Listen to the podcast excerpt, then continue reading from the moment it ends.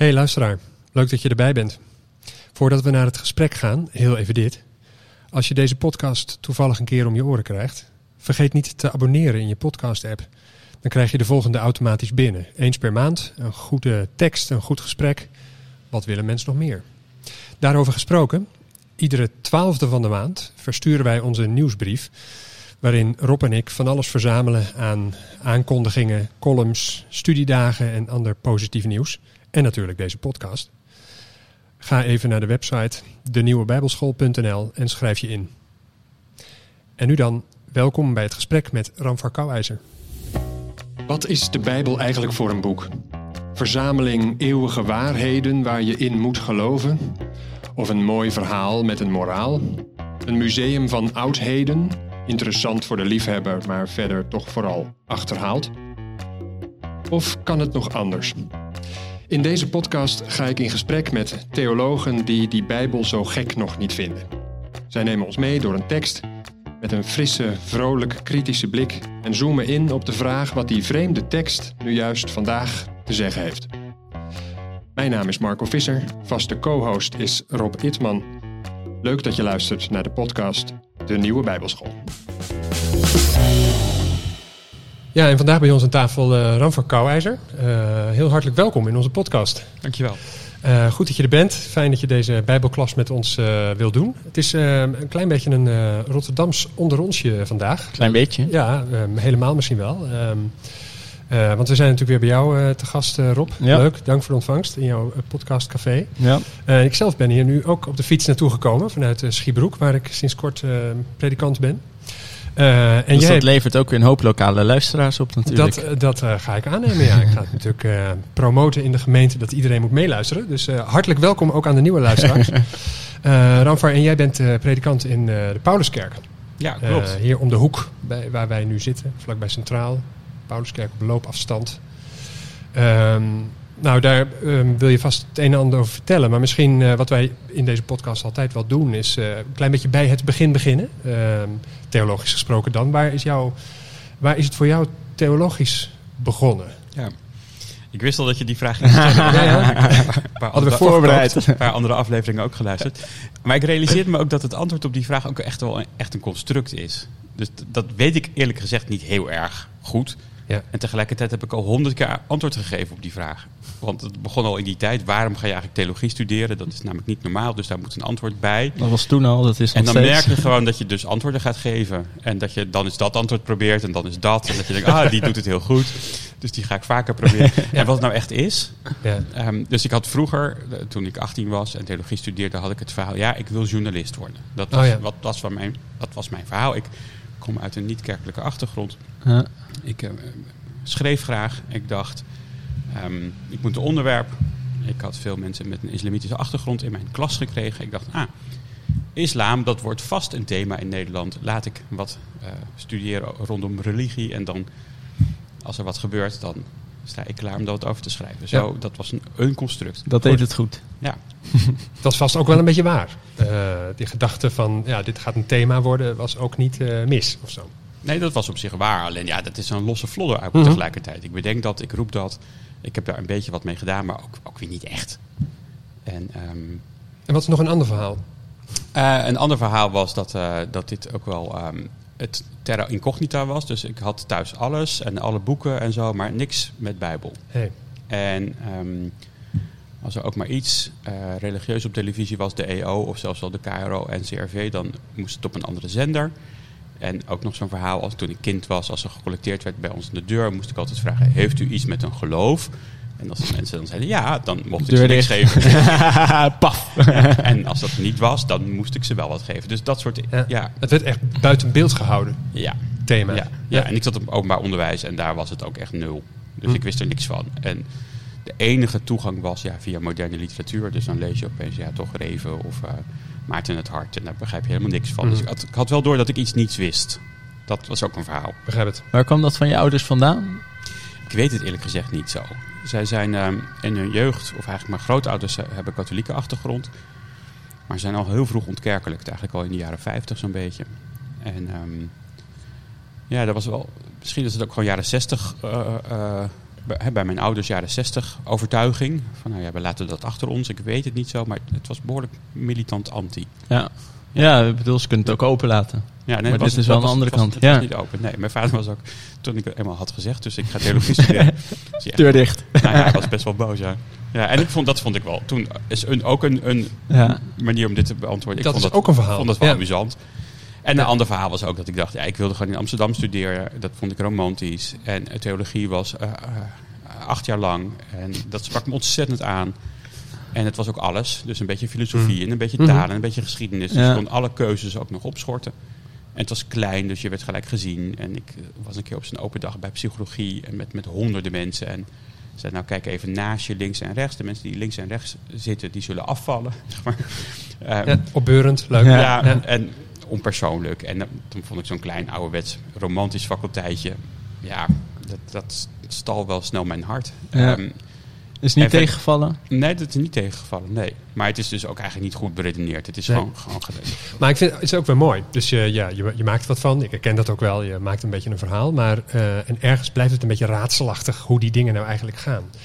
Eh, iets was er wat je aantrok, maar dan vervolgens gebeurt er iets. Hè? Dus eh, dan ga je studeren en dan Mhm. ergens gaat dan toch een, een, een, een licht aan of zo. Of een, een vuurtje branden, want hier zit jij nu. Je bent predikant. Dus Ja. eh, Ja, dat is... eh, bekering. Oeps. Nee. Ja, Ja, nee, ik heb het. eh, ja, ook dat is mijn verhaal. ja. Nee. Ja, goed, ik, ik, ik werd heel snel wel ge- gegrepen door dat leven en, en studeren in Amsterdam. Mhm. Dus ik vond die stad en wat er, wat er op je afkomt aan mogelijkheden en de, en de mentaliteit en de cultuur, die vond ik heel Ja. fijn op dat moment. Waar Dus kwam je graag in de stad? je- overal, maar het, het gewoon de, de mentaliteit van oké, jij bent er ook, heb je iets te zeggen, zeg maar. En eh, kom er maar mee. In plaats van, nou, wie ben je wel niet en wat zijn je geloofsbrieven en hoe lang gaat dit al terug? En herhaal eerst maar eens honderd keer wat al. Nou ja, goed. Er, was veel eh, nieuwsgierigheid en ik vond dat leuk. En intellectualiteit en boeken lezen. En ik, ook bij theologie, ik herinner me een van de allereerste colleges, een hoogleraar die zei: Dit is een studie waarin je leert lezen. En je ehm, kent waarschijnlijk al heel veel literatuur, maar dit is een heel ander genre. En je gaat gewoon eh, een aantal jaar begeleid leren lezen. En dat is helemaal up to you. En we gaan het echt niet op controleren. Maar zie het maar als een tijd die je krijgt. En door wat mee. En je Ja. hebt allemaal betrouwbare gidsen. Dus ga lekker lezen. En dat soort uitnodigingen. Ja, vond Mm. heel, Wat een mooie, echt fijn. een mooie weergave van een theologiestudie eigenlijk. Hè? Ik eh, zou eh, de, de theologiestudenten van nu dan wel eens willen vragen van hoe ervaar je het ook een beetje zo? Hè? Het is natuurlijk, Ik vrees van niet. nee, eh, misschien wel niet, zeggen we dan maar even voorzichtig. Maar ik vind dat een hele mooie, spannende manier van naar de theologiestudie kijken. Het- Ja. het- ja, er zat veel ruimte in. En, en, en, ga maar lezen. En kies zelf je boeken. En als je Mm. er tien gelezen hebt, kom je maar eens langs voor een tentamen.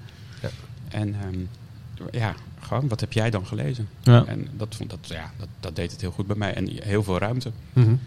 En, maar goed, dan ben je nog geen dominee. Ik, ik leerde ook wel gaandeweg um, dat er voor mij heel veel vrijheid in zat. Dus zowel in de vorm, van ga maar lezen, maar ook in de inhoud.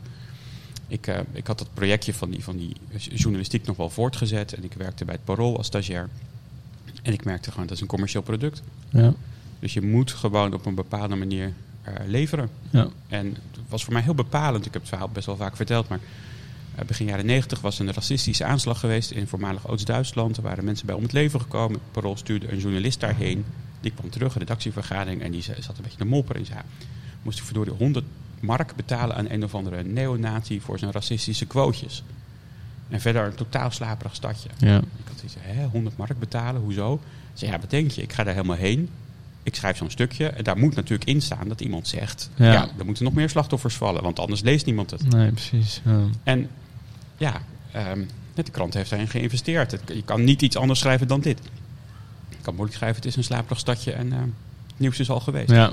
En toen dacht ik, ja, wat een onvrijheid eigenlijk. Ja. Je bent gewoon niets aan het verkopen. En toen dacht ik, ja, aan, aan de, aan de faculteit, zeg maar. Wil ik daar dan naar meewerken? Zo ongelooflijk veel vrijheid. Ja. Je hoeft eigenlijk nooit iets specifieks te vinden. Je mocht gewoon daarmee stoeien. Ik dacht, oh, wat een ruimte. Dus daarmee opende zich eigenlijk voor mij, ik denk, ik ben hier veel meer op mijn plek. Dus het is ook eigenlijk, zou je kunnen zeggen, een afscheid van iets anders. Ja. En, Ja. um, en in die theologie, ja, ik, was, kwam natuurlijk met allerlei vooroordelen dat de Bijbel een boek zou zijn. Vol met verboden en achterhaalde uh, sprookjes. Um, en het, ik vond het uh, mooi inhoudelijk. Dus dat, Mhm. mm -hmm. dat was al een tweede van oké, okay, ik zit in die tekst, ik word daarin meegenomen. En uiteindelijk voor mij, ik, ik, ging een jaartje in Frankrijk nog studeren, in Straatsburg. En wat daar leuk aan was, is dat ik in een huis woonde met 80 anderen. En de Fransen hebben die gewoonte om al die mensen van die, al die eilanden en al die oude kolonies allemaal naar Frankrijk te halen voor een studie. Dus daar woonden 80 mensen van nou, uit Cameroen, uit Nieuw-Caledonië, noem maar op. Ja. En dat was natuurlijk een en al geloof. Want ja, zo gaat het daar. Dus dat is eh, ontbijten en zingen en voetballen en bidden en eten en Ja. elkaar omhelzen. En Iedereen brengt van alles mee. Ja. De hele tijd. Goedemorgen, Jezus is met je. Ja. Ik voelde me zo Hollander de hele tijd. Dat maar ik, ik ben niks. Zeg maar. Ja. En, en toen dacht ik, ja, wat een flauwekul eigenlijk. Ik, ik leef nu al vijf jaar met deze studie. Daar Ja. zit ik helemaal middenin. Dit zijn mijn vrienden. ehm, die zitten er helemaal middenin. Het is toch eigenlijk wel mooi, zo'n taal die wereldwijd gesproken wordt. Die door de eeuwen heen gesproken wordt. Wat zou ik nou dat, ja, die afstand blijven houden? Ja. Dus toen dacht ik, nou, als ik terug ben in Nederland ga ik eh categorisatie volgen. En ga ik me laten dopen. Dat heb ik ook gedaan. Waren de ouders daarbij? Ik heb ze daar ook niet voor gevraagd, eerlijk gezegd. Nee? Nee, ik was toen nog toch... voelde dat nog echt iets als van mijzelf. En ehm, Mhm. ja, wel verteld dat ik het ging laten doen, maar ik heb ze er niet bij gevraagd. Dat had ik ook moeilijk gevonden, denk ik. Kon er een gesprek over zijn? Ja, langzamerhand wel. Ze lazen wel wat ik dan schreef. Er waren natuurlijk veel Oh ja. blaadjes en zo. Dus ze Mhm. werden wel een beetje meegenomen in wat voor soort wereldje het was. En ja, En hoe je schreef en wat je schreef. Ja, en niet al te veel later begon ik ook met preken. En ik weet wel dat ik toen mijn vader een keer bij een eh, preek heb gehad. Helemaal in het begin, een van de allereerste preken die ik hield. Ik weet het nog wel goed in Apkoude, vlak voor, vlak voor kerst. En ehm, nou, dat hij daar zo kwam en dat hij zo in de afloop zei... Hoeveel mensen passen in deze kerk? en, hoe, hoe oud is dit gebouw? En, gewoon, Niks over wat je heel, gezegd nee, had. precies. Nee. Ja, dus die, die ongemakkelijkheid zat er wel lang in. Ja. En, maar goed, ja, en, en Maar hij was er wel. Ja, was er. Hmm. Ja, Ja, inderdaad. Ja. Ja. En die, die stap zeg maar naar, naar ja, ook, ook meer voorgaan en, en die, die, ehm, die plek innemen. Ook dat was weer een verhaal, want ik wilde eigenlijk wel door in de wetenschap. Maar het, liep op, het hield op daar en die faculteit werd opgeheven, dus er waren eigenlijk helemaal geen kansen. En ja, je moet af en toe ook een baantje en dan kon ik ergens een eh, eh, jeugdwerk doen, eh, bijbel lezen met een clubje en dat beviel me wel. En toen werd ik ergens vicaris, dus dan word je zeg maar hulppredikant en dan kan je wat hand- en spandiensten. En zo langzaam dacht ik, ja, wat zou ik ook vasthouden aan dat wetenschappelijke. Dit, eh, Ja, dit, is kennelijk, dit is kennelijk mijn plek. Ja.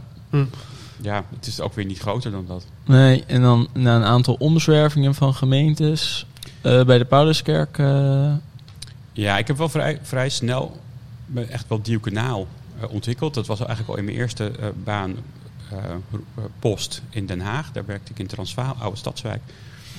Ja, dat was deels met zeer oude mensen die daar de oorlog nog hadden meegemaakt. En die huisbezoek en, en, en uitvaart en dat soort dingen. Maar ook gewoon heel veel opgebeld worden met... ja, gas en water zijn afgesloten. En wat moeten we nou? Ja, we moeten, Ah, wordt er morgen ons huis, ons huis uitgezet. En kunt u ons helpen? Hartstikke arme mensen.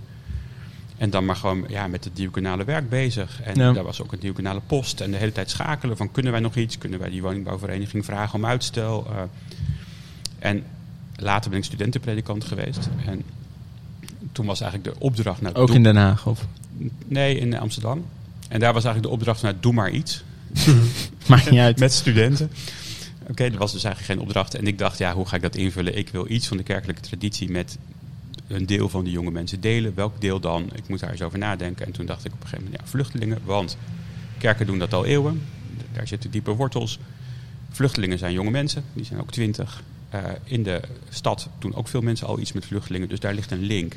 En dan kan je met elkaar gaan praten over het waarom. En ehm, je kan van elkaar leren. Dus ik heb een onderwerp te pakken wat mij ook raakt. Wat hen ook raakt. Laten we dat gaan doen. Dus ik heb een paar jaar met, met studenten daaraan gewerkt. En toen ehm, kwam in Haarlem op een gegeven moment de post vrij als directeur van een diaconaal centrum. Daar vroegen ze een predikant voor. Nou, zij deden daar ook heel veel met vluchtelingen. Daar wist ik al veel van. Ja. Dus ik dacht, nou ja, ik ben wel toe aan een nieuwe stap. Laat ik eens kijken. En toen werd ik ja, leidinggevende van zo'n organisatie. ja. Waarbij je dan ook nog een deeltje predikant bent, maar toch ook voor een heel groot gedeelte gewoon directeur van zo'n Aan het organisatie. managen. En na een jaar of zeven kwam de Pauluskerk vakant. Waar ze ook weer een dominee zochten die directeur wilde zijn van Ja. deze plek. En ja, daar heb ik ervaring mee. Ik vind dat een mooi werk. Dus, en de Pauluskerk is wel de place to be wat dat betreft, denk ik, Ja. in Nederland. Kennen jullie de stad Rotterdam al goed? Als toerist. Dus ik, ja. Hm. ik kwam hier al ja, lang geleden met mijn, eh, met mijn vrouw. eh, omdat we het hier fijn vonden. Ehm, hadden we ooit twee mensen gevonden die met ons van huis wilden ruilen. En dat deden we dan eigenlijk wel, ja, zo om de zes weken of zo. Waren we hier een weekendje. En konden we hun fietsen gebruiken. Ja, en zij jullie fietsen. Ja, precies. Ze gingen graag naar het concertgebouw en zo. En wij nou, hier een beetje Ja. te ontdekken, het eigenlijk nog voor het hip werd. Ja, En ehm, ik vond het altijd eigenlijk al fantastisch. En eh, nu is het ook nog hip geworden. hier. ja zeker weten. Rotterdam Ja. is happening, ja, Ja. precies. Ja. En de Pauluskerk heeft een, een bijzondere functie eh, in het Rotterdamse. Nou Staat ja, er goed op? Om het Ja, ja, maar in heel Nederland. Het bij- ook mensen die niet kerkelijk zijn, kennen de Pauluskerk. En dat komt natuurlijk allemaal nog uit de tijd van dominee Hans Visser met zijn parool nul. En eh, wat hij daar allemaal betekend heeft. Eh, en ook Dick Couvé, die eh, voor mij de, de predikant Ja. was, die met bed, bad, brood en ja, gewoon ook ontzettend veel betekend heeft. En eigenlijk nog steeds wel. Ik denk, het is natuurlijk een kerk. Ja, het is een kerk, maar het is ook gewoon een, een, een, hulpplek. Ja. Zeven dagen per week open. Twaalf uur per dag open. Komen honderden mensen per dag naar binnen. En dat zijn mensen van de straat. Mensen die geen papieren hebben. Mensen in nood. Het is ook gewoon een grote gebeuren. Er werken eh, 25 mensen. Ja. Eh, Er werken dokters, advocaten. eh, maar ook ehm, maatschappelijk werkers. Eh, we hebben ook een hele afdeling kunst en cultuur. Dus je kunt daar ook gewoon allerlei workshops meedoen. Dus het is een komen en gaan. Ja. En we hebben altijd gezegd, ja, behalve dat we mensen helpen, eh, wat we eigenlijk op eigen initiatief doen, hè, dus een particulier initiatief, Ja. Hebben we ook een, een, een rol om de samenleving te vertellen eh, ja, hoe het beter zou moeten. Dus eh, ja, profetische rol zoals je wil, maar Mhm. die zoeken we ook nadrukkelijk. Dus heel veel media en, ehm, en acties en eh, ja, in de hoop om dingen te, te veranderen. Ja, en dat is natuurlijk ja. ook heel vaak gebeurd met het drugsbeleid, met het bedbadbroodbeleid en ja, ja, met andere dingen ook. ja, en dan heel even lokaal, hoe kijk je naar het nieuwe college? Ik Wat hoop- er aan ik dreigt te komen? Ja, ik weet niet. Ik hoop dat het een college is dat er komt dat goede besluiten neemt. Kijk, het maakt me eigenlijk verder niet zoveel uit. Nice. Ja, dan, dan spreekt opeens weer de dominee. Het maakt me niet uit wie daar zit. Het maakt me uit dat ze de problemen goed eh, zien en goed oplossen. Ja. Ja. En de rol vanuit de Pauluskerk is ook wel degelijk om daar als het ware steeds op te blijven, hè, op die deur te blijven kloppen. Hè? Eh, ik ga- zeg je net, hè? Ja, ik vertel gewoon aan de stad, kijk, dit zie ik op mijn stoep. Mhm. Ik zie mensen die... Ja. Nou, en op dit moment zijn we actie aan het voeren voor mensen die ongedocumenteerd zijn, maar die al 30, 40 jaar in Nederland zijn. Waar Ja. nog steeds geen Mensen oplossing op voor is. leeftijd ook, hè? Ja, die dus eh, lek en gebrek hebben. En ehm, welke coalitie daar ook zit, ik wil dat zij weten dat dit probleem bestaat. Want ik ben het nu voor een deel aan het oplossen. Maar het probleem is groter dan ik alleen kan oplossen. Of dan de Pauluskerk alleen kan oplossen. Dus de stad moet dit gaan zien en moet daarover nadenken. Ja. En dat is mijn rol om dat te zeggen. Kijk, dit zien wij bij onze deur. Het wordt niet kleiner. Is, de, is de problematiek groter geworden in, eh, als de Pauluskerk kan dat goed overzien? Misschien van sinds oprichting tot aan nu? Nou, kijk, in, nee, natuurlijk in de tijd van dominee Hans Visser was het pas echt afschuwelijk. Die drugsverslaving was een epidemie. Daar ging alles en iedereen aan kapot. Gewoon, hè, er waren op een gegeven moment hier duizenden verslaafden. Nee, ja, ja. En, en daar was niks voor. Want het geloof was, ja, als je mensen gaat helpen, dan faciliteer je ze. Hè, aanzuigende werking. Dus je moet ze laten creperen. Dan, dan Ja. zullen ze verdwijnen. eh, ermee ophouden. Dan zullen ze tot bezinning komen en denken, oh, het is geen leven, laat ik afkicken. Nou, dat gebeurde nul keer. En het omgekeerde is wel waar. Als je mensen gaat verzorgen en je geeft ze eh, tijd en ruimte en rust, dan kunnen ze eventueel die keuze maken om te stoppen. Ja. En ja, dat, dat geloof, zeg maar, dat, dat mensen vanzelf wel zullen stoppen, dat is heel hardnekkig. En dat doet zich ook voor bijvoorbeeld bij ongedocumenteerden. Ja, als we ze nou maar niet zullen helpen en helemaal niks geven en laten creperen, dan zullen ze tot inzicht komen en dan zullen ze allemaal in Afrika blijven of terugkeren naar Afrika. Mhm. Nou, gebeurt nooit. Op het moment dat je mensen goed verzorgt, dan kunnen ze wel overwogen keuzes maken en dan kunnen ze zelfs nog misschien terug willen keren. Ja. En ja, ik zie dat steeds. Ja, maar, jullie rol is onveranderd en wat jullie doen is nog steeds hetzelfde. Maar de mensen die komen zijn niet meer de mensen die hier eh, met een spuit in hun arm op eh, perron 11 eh, Nee, er is nu, liggen. nu een methadonverstrekking. Hè? Dus dat wordt allemaal nu door de stad betaald. Mensen die verslaafd zijn, die gaan naar de Nico Adriaan Stichting. En die krijgen daar een kamer. En die krijgen daar medische begeleiding. En die krijgen daar een afkikprogramma en dagbesteding. Ja. Ja, halleluja. Mhm. Ja. Indrukwekkend, ja. Hey, eh, we gaan een stap zetten ehm, richting een tekst. Ehm, eh, en hey, je vertelt net van, nou ja, zo is het gegaan in mijn leven vanuit eh, een soort vermoeden van, nou ja, dat met die theologiestudie, dat is wel iets. Naar waar je nu staat als, eh, als predikant in de Pauluskerk. Zo is het een beetje gegaan. Ehm, maar waar we het nu over hebben, ehm, daar ben ik wel benieuwd naar. Van, wat heeft dat dan, hè, waar je nu staat, het werk dat je nu doet, hè, waar je van vertelt, en heel indrukwekkend. Eh, wat heeft dat te maken met de inhoud van, van eh, waar je het als kerk toch ook mee doet? Hè? Eh, de Pauluskerk op een heel eigen manier, anders dan veel reguliere eh, kerken misschien kennen. Maar toch, we delen toch ergens dit boek en dit verhaal. Ik ben wel benieuwd of we ergens een soort, soort verbinding zien tussen nou ja, het werk dat je doet en met die focus ook op echt die onderkant van de samenleving, waar we het dan zo mooi over hebben, maar waar jij echt, ja, echt middenin staat. Eh, en, en een tekst, een verhaal. Dus eh, hè, waar je al in de theologiestudie mee in aanraking kwam toen ze zeiden: ga maar lezen, Mhm. kijk maar wat je tegenkomt. Wat komen wij nu tegen? Wat heb je voor een tekst mee? Ja, ik heb eh, een verhaal meegenomen uit het boek Exodus. En daarvan het tweede hoofdstuk. Ehm, over de wording van Mozes. Goed. Ja, het is het, het, het Joodse paasverhaal eigenlijk, het boek Exodus. Het verhaal van de uittocht uit eh, Egypte. Joodse paasverhaal, daarmee natuurlijk ja, eigenlijk ook het christelijke paasverhaal. Ehm, eh, we nemen deze podcast op en zenden hem ook uit eh, vlak voor Pasen, dus dat, dat klopt. Wat Kunnen we het misschien, kunnen we het misschien nog over hebben zo. Maar ehm, ik denk dat het mooi is als je het eerst maar eens even voordraagt. Oké. Laat horen. Goed. Een man van het huis van Levi gaat en neemt een dochter van Levi. En de vrouw wordt zwanger en ze baart een zoon. Ze ziet hem. Ja, hij is goed. Ze verbergt hem drie maanden lang. Maar ze kan hem niet langer verbergen en ze neemt voor hem een kistje van papyrus en lijmt dat met leem en met pek. En zij legt het kind daarin en zij legt het in het riet aan de oever van de stroom. En zijn zus posteert zich op afstand om te weten wat aan hem zal worden gedaan. En de dochter van Farao daalt af om zich te baden in de stroom. Terwijl haar meisjes wandelen langs de stroom, ziet zij het kistje te midden van het riet. En ze zendt haar dienstmeisje uit en ze neemt het en ze opent het en ze ziet hem, het kind. En zie, een huilende jongen. En zij wordt bewogen en zegt, een van de zuigelingen van de Hebreeën is dit. Zijn zus zegt tot de dochter van Farao: Zal ik gaan? Ik zal voor u een zogende vrouw roepen, vanuit de Hebreeuwse. Dan kan zij voor u het kind zogen. En de dochter van Farao zegt tot haar: Ga. En zij gaat, de jonge vrouw. En zij roept de moeder van het kind. En de dochter van Farao zegt tegen haar: Laat dit kind gaan met u en zoog hem voor mij. En ik zelf zal u het salaris geven dat u toekomt. En de vrouw neemt het kind en zij zoogt het. En het kind wordt groot en zij brengt hem tot de dochter van Farao. En hij wordt haar tot een zoon. En zij roept zijn naam Moshe, hij die optrekt. En ze zegt, want ik heb hem opgetrokken uit de wateren.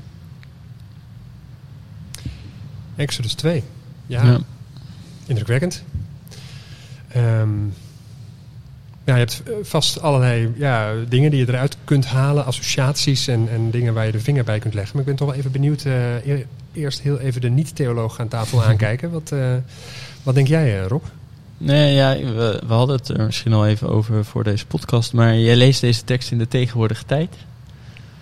Dat de, ik heb deze tekst wel wat vaker al eh, mogen en, ho- en, en gehoord tijdens paasverhalen in rondom de Nieuwe Poort. Waar- waarom kies je voor, voor een vertaling in de, in de tegenwoordige tekst voor deze tekst? Doe je dat altijd? Nee, niet altijd. Ik- Nee, ik moest natuurlijk hiervoor even bedenken hoe ik het zou doen. En ik lees altijd wel graag eh, eh, de Bijbel van Chouraki, een eh, Franse vertaling. Die doet het ook in de tegenwoordige tijd. En je hebt de Naarse vertaling natuurlijk van Pieter Auzoren, doet dat ook in de tegenwoordige tijd.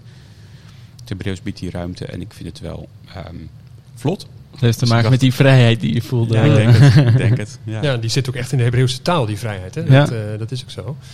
Ehm, en daardoor werkt het wel heel direct of zo. Hè? Het, het krijgt eh, een soort dynamiek die, eh, die je wel heel... Hè, ik, zie dan bijvoorbeeld is een zo- beweging of zo. Zo ergens halverwege die tekst, als ze dan eh, die dochter van Farao dat, dat kistje ziet, dan staat er zo, ze neemt het en ze opent het en ze ziet hem, het kind. En zie, nou dan gebeurt er van alles. Het, Mhm. Dat is zo'n nou ja, zo'n opeenvolging van werkwoorden die zo op je afkomen, als het ware. Ja. Ja, sterk. Ja. Mhm. Ja, nee, het eerste wat me opviel, eh Levi. Ja. Daar begint het mee, komt verder niet meer terug. Eh, ja, is dat, is dat een bepalend figuur? Of moet, speelt hier een rol die, die belangrijk is om te weten? Dat, dat vraag je goed. Kijk, namen doen ertoe, hè, altijd. En in dit verhaal vallen maar twee namen. In het begin en aan het eind. Ja. Daartussen zijn alle mensen zonder naam. Wel met allerlei aanduidingen, maar zonder naam. Ehm, dus ja, het doet ertoe. Ja. En dit boek waar het uitgenomen wordt, eh, het boek Exodus, is natuurlijk het boek Namen in het, eh, in het Hebreeuws. Dus ja, gaat het al zeker over namen. Ja, En heeft die naam Levi specifiek ook iets te ja, het betekenen? het- of de, stam die de, vertalen? de stam die de priesters le- levert. Dus daarin wordt wel iets aangekondigd. Ehm, ja. Goed volk. ja, misschien. misschien. ja, misschien. Ja, ja.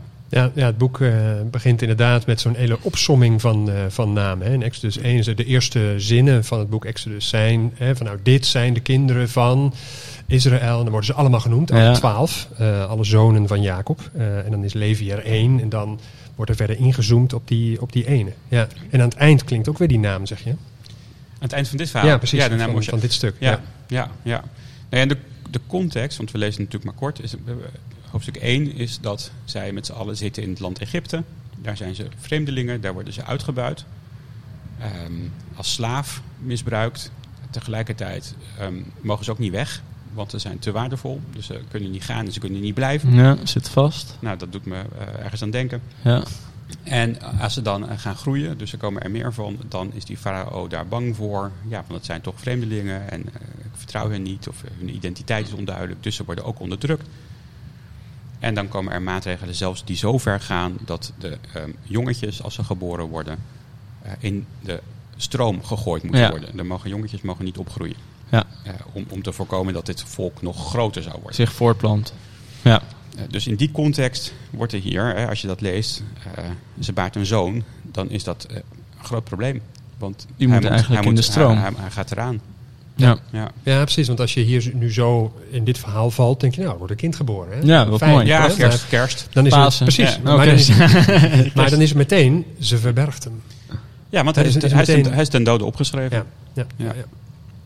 Hij mag er niet zijn. En eh, dat contrasteert natuurlijk met dat zij zegt, ja, hij is goed. Hè, Hmm. wat we natuurlijk kennen uit Genesis, als Ja. de scheppingsdaden. Hij is goed. Ja, deze jongen is eigenlijk ook een scheppingsdaad. Hij is goed. Maar hij mag er niet zijn. Dus hij moet eh, onderduiken. En dat gaat niet meer. Want er zijn kennelijk controles of iets dergelijks. Dus, en dan... eh, Is ja, er iemand die, die dit kindje toch uit de, uit de stroom haalt? Ja, maar het gaat, eerst, dat gaat snel wat je nu zegt. Want het eerste wat ze doet, is ze gaat hem in een kistje leggen. Van papyrus. Ja, maar dat is ook een doodskistje. Dus we, we kennen wel, denk ik, het verhaal van... Nou, Mozes ging in een bootje en toen stroomde dat bootje aan. Maar hallo, hij gaat in een kistje. En dat kistje gaat dicht. Ja. Ik dacht En- altijd dat het een houten kistje was. Ja, biezenkistje wordt ook al gezegd. Biezen, Ja. het biezenmandje, hè? Dat is een beetje de kinderbijbel Een mandje aanduiden. inderdaad. Ja. Ja. Maar ja, die biezen, dat zijn natuurlijk gewoon eh, van, die, van die pluimen waar je papyrus van maakt. Dus, nou. Ja. dus ja, hij, daar gaat hij, hè? Tussen de krokodillen en zo. Ja. kortom, dit is een... eh, ja, Hij wordt Plastic begraven dit is een, graf, een graflegging. Ja, ja. ja. ja. dat is, eh, ja, het, zeg je, het is heel Ja. Bedoel, je, kunt, eigenlijk. je kunt niet, niet verwachten dat hier nog toekomst is. Nee. Als je je kind in een doosje legt, je maakt het doosje dicht en je legt hem in, in de stroom. En dat is een grote stroom. Dan gaat hij onder. Ja. Mhm. Ja, het doet me ineens denken aan. eh, eh, so- sorry voor de associatie, maar het doet me ineens denken aan eh, mensen die hun kinderen in bootjes zetten. Of eh, nu, zoals nu in Oekraïne, mensen die hun eh, mannen en hun, hun vaders eh, achterlaten en, en eh, die verdwijnen. Ja, waarheen? Je moet ze totaal loslaten. En dat totale loslaten, dat is hier ook zo Ja. eh, ja, want je leest gauw door en dan denk je, oh ja, dat uh, biezenmandje, hè, kinderbijbel, dus dat komt zo meteen allemaal goed. Ja, dat is een Maar soort, soort klein solo-zeilertje. Ja, precies. Maar je zet ons nu even stil bij dit moment van, dat, eh, van, van een graflegging. Ja, want zelfs wat jij zegt, hè, die Oekraïnse vluchtelingen. Kijk, daar zit toch nog, of zelfs die bootvluchtelingen, Mhm. daar zit toch nog veel hoop in. Ja. Niet iedereen haalt de overkant, maar de, de kans dat je de overkant haalt is ook nog wel. Ja, het idee is, we zien elkaar weer. Ja.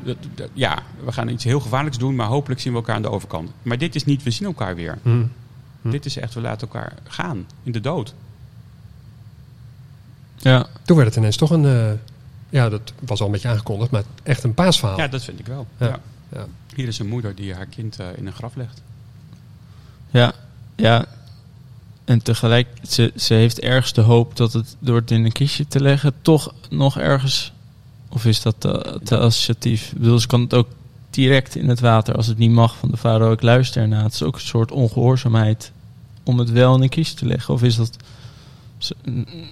niet te zeggen? Niet Ja, die, die ongehoorzaamheid zit hem in die drie maanden dat ze hem bij, bij zich gehouden heeft. Maar het kan niet meer. Ja. En ik lees wel zorg in, in de manier waarop ze dat, hem in dat kistje legt. Maar niet per se hoop. Hmm. Althans niet bij die moeder. Nee.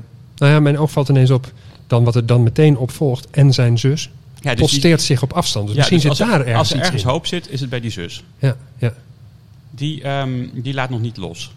En die heeft nog kennelijk, ja, of ze wil getuige zijn ook van het allerergste, dat kan. Maar zij is, zij is nog niet weg.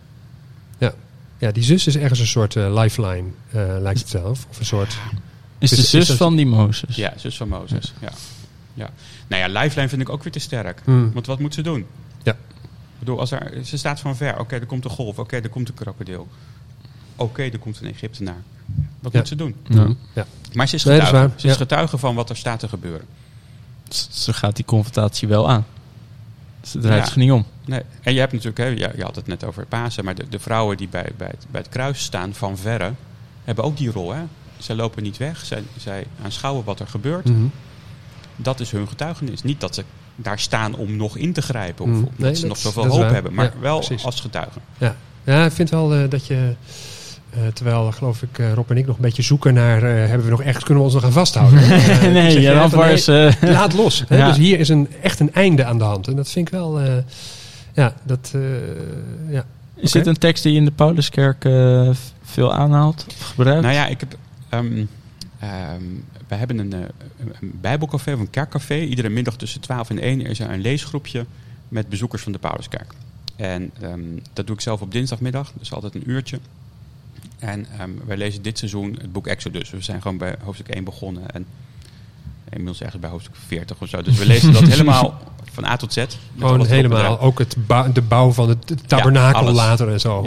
Ja. Hoofdstuk voor hoofdstuk. Ja, Oké. ja, en alle vellen Mooi. die je daarvoor mag inbrengen en alle Ja, ja, precies. stukken hout. Ja. En, Maar en deze verhalen, die eerste, die eerste hoofdstukken Dus spreken natuurlijk enorm Dus tot de verbeelding. Ja, nou ja, goed. En dus met een grote groep. En iedereen, dat is een beetje de methode. Ik lees het voor en iedereen mag dan een paar minuten het woord doen.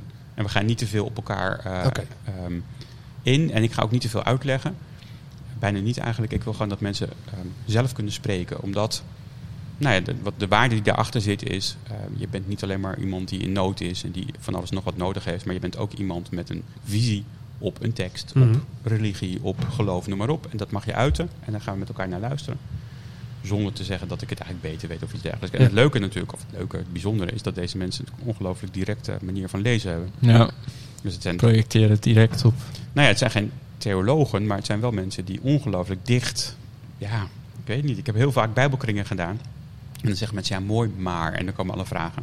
Moet ik het nou helemaal letterlijk nemen? Hoe verhoudt zich dat nou Mhm. tot dat? Moeilijk in de concepten. En, eh, maar hier zijn mensen die springen op en die zeggen, oh, dat heb ik ook. Ja, het En, gaat over mij. En, eh, maar ook, kijk, ik, ik, we lezen Exodus en ehm, ik heb dat natuurlijk van Karel Duro leren lezen. En die dit altijd uitlegde als het grote bevrijdingsverhaal. En God kiest partij voor de armen. En dat is het bijzondere, want ja, te midden van al die wereldrijken en die farao waar niemand omheen kan, eh, is dan zicht op dat kleine volkje van verschoppelingen. En daar gaat het verhaal mee aan. eh. Dus dit is een prachtig verhaal, een prototype van een bevrijdingsverhaal van ook moderne bevrijding. Ja. Dus ik denk, nou ja, ik ga Exodus met ze lezen. Dat zal, eh, zal ze wel aanspreken. dat Ja. zal wel groot applaus eh, opleveren. Maar dat was toch niet zo. Dat is niet zo. Dus ik merk dat mijn groep eh, helemaal niet zo blij is met Exodus. En dat zit hem juist op het punt van die partijdigheid. Ehm, dus waar ik gedacht had dat ze zouden zeggen... wat fijn, God kiest partij voor de armen... zeggen ze, wat, wat erg, God kiest partij. Hm. En Ja. ze kiezen helemaal. Ja, en, en, en die andere volken dan, die daar al woonden. En al die bedienden dan van de farao, die, ja, die, wat moeten die, hebben die dan een keus? En die gaan er allemaal aan. Dat is toch afschuwelijk? En, en ik probeer dat nog een beetje zo af en toe dan theologisch. Nou, nu wil ik ook wat zeggen. En dan, en dan wat over die Bijbelse theologie te praten en zo. Maar dat landde helemaal niet. Nee. Land nog steeds niet. En, Maar nou is dat wel een herkenbaar eh, iets. Dit ken ik ook wel van, van bijbelkringen die ik dan doe. Ja.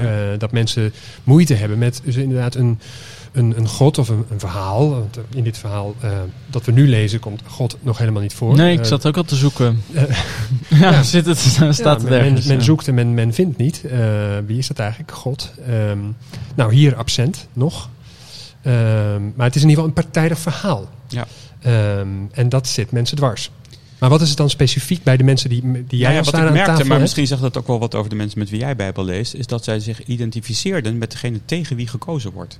Dus op het moment dat het woord partijdigheid valt, Hm. eh, zitten ze zo diep in, ah, tegen mij is ook partij gekozen. Dat heb ik zo vaak meegemaakt. Ja. Ik ben zo vaak oneerlijk buitengesloten. Het is zo unfair dat het hele woord partijdigheid eindigt eigenlijk het gesprek. Ja. Begrijp het, ja. En Ja. dit zijn natuurlijk mensen bij wie dat, hè, je wordt niet zomaar dakkeloos. En dan heb je echt wel, dan is er wel een keer of vijf, zes, zeven iets grofs fout gegaan. En we ke- kennen tegenwoordig al die verhalen over die toeslagenaffaires Ja. en zo.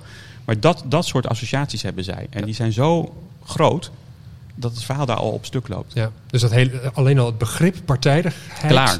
dat gaat als het ware tussen, Ja. eh ertussenin staan. Ja. Ja, ja, dat blokkeert al. Helpen deze teksten ze wel om verder te komen? Als het zo blokkeert al op zoiets? Dat zou, Ja. dat zou ik niet durven zeggen. Nee. Kijk, ik vind het zelf heel leuk om met hen te lezen. Ik leer er heel veel van. Eh, of deze teksten hen nou per se verder helpen. Nou, Hmm. dat, dat, ehm, dat vind ik groot gezegd. Ja, ja. moeilijk. ja. De vraag is wel van in zo'n gesprek, wat helpt dan? Wat, om, om het weer een klein beetje te openen of om door te kunnen. Hè, dat mensen dan niet op een gegeven moment gewoon maar eh, eh, een prop van maken en dan weglopen.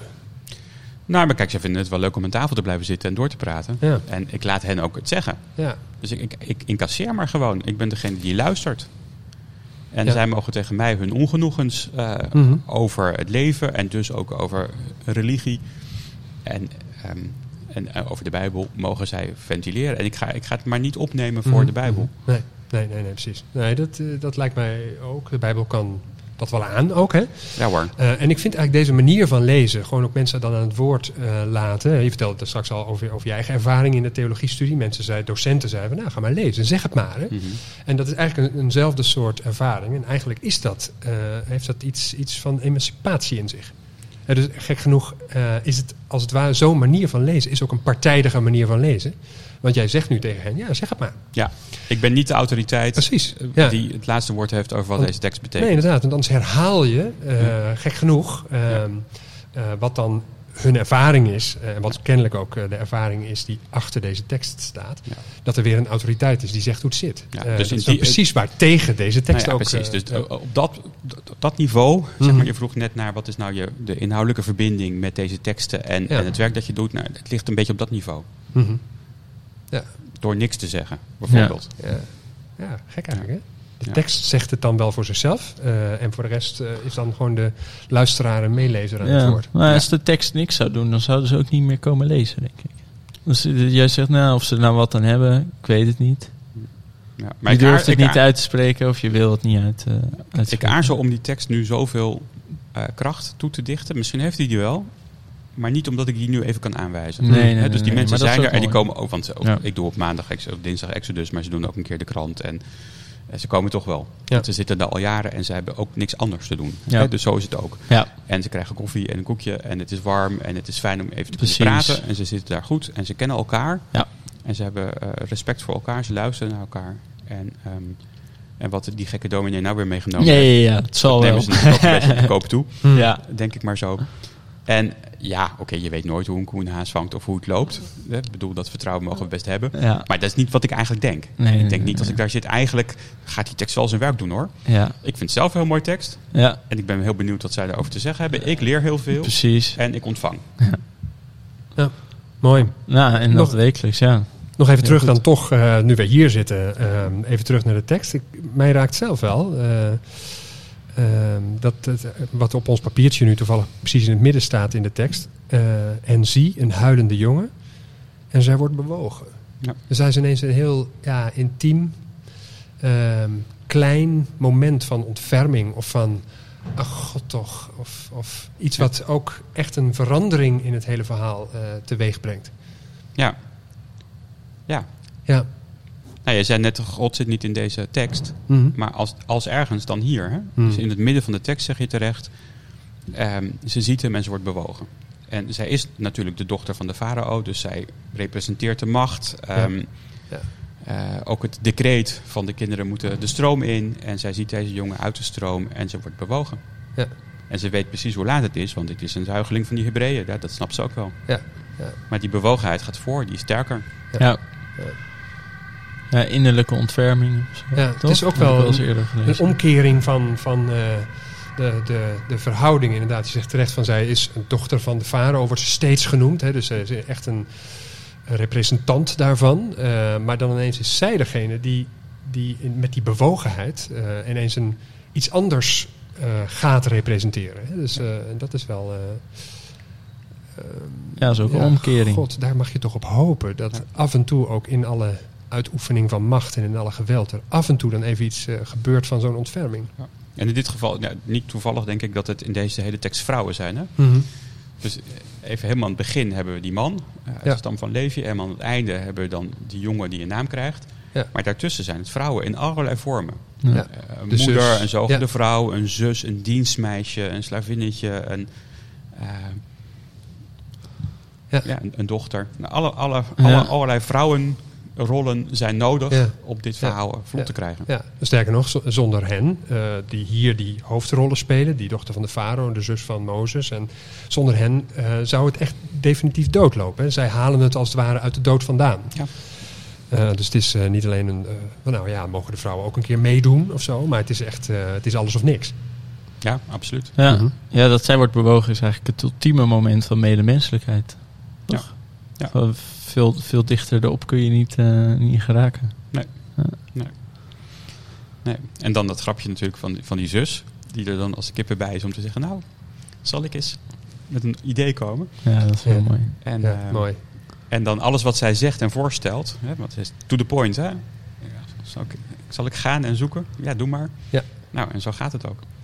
Ga, en dan- en ze ging. En ze Ja. ging, en dan Ja. tot en met dat die dochter van Farao dan zegt, nou, ik zal je daar een salaris voor betalen. Ja, ja, ja. Mooi? Ja, ze is de eigen, eigen, eigen business eh, goed Ja. naar binnen weten te Terwijl te zij is een slavinnenkind. Ja. Eh, om precies te zijn natuurlijk. Zo'n zo'n meisje van Israël is natuurlijk... eh, eh, ze heeft, is ook maar net eventjes van, eh, vanaf de piramides weggelopen om dit mee te maken. Eh, en ineens krijgt ze een salaris.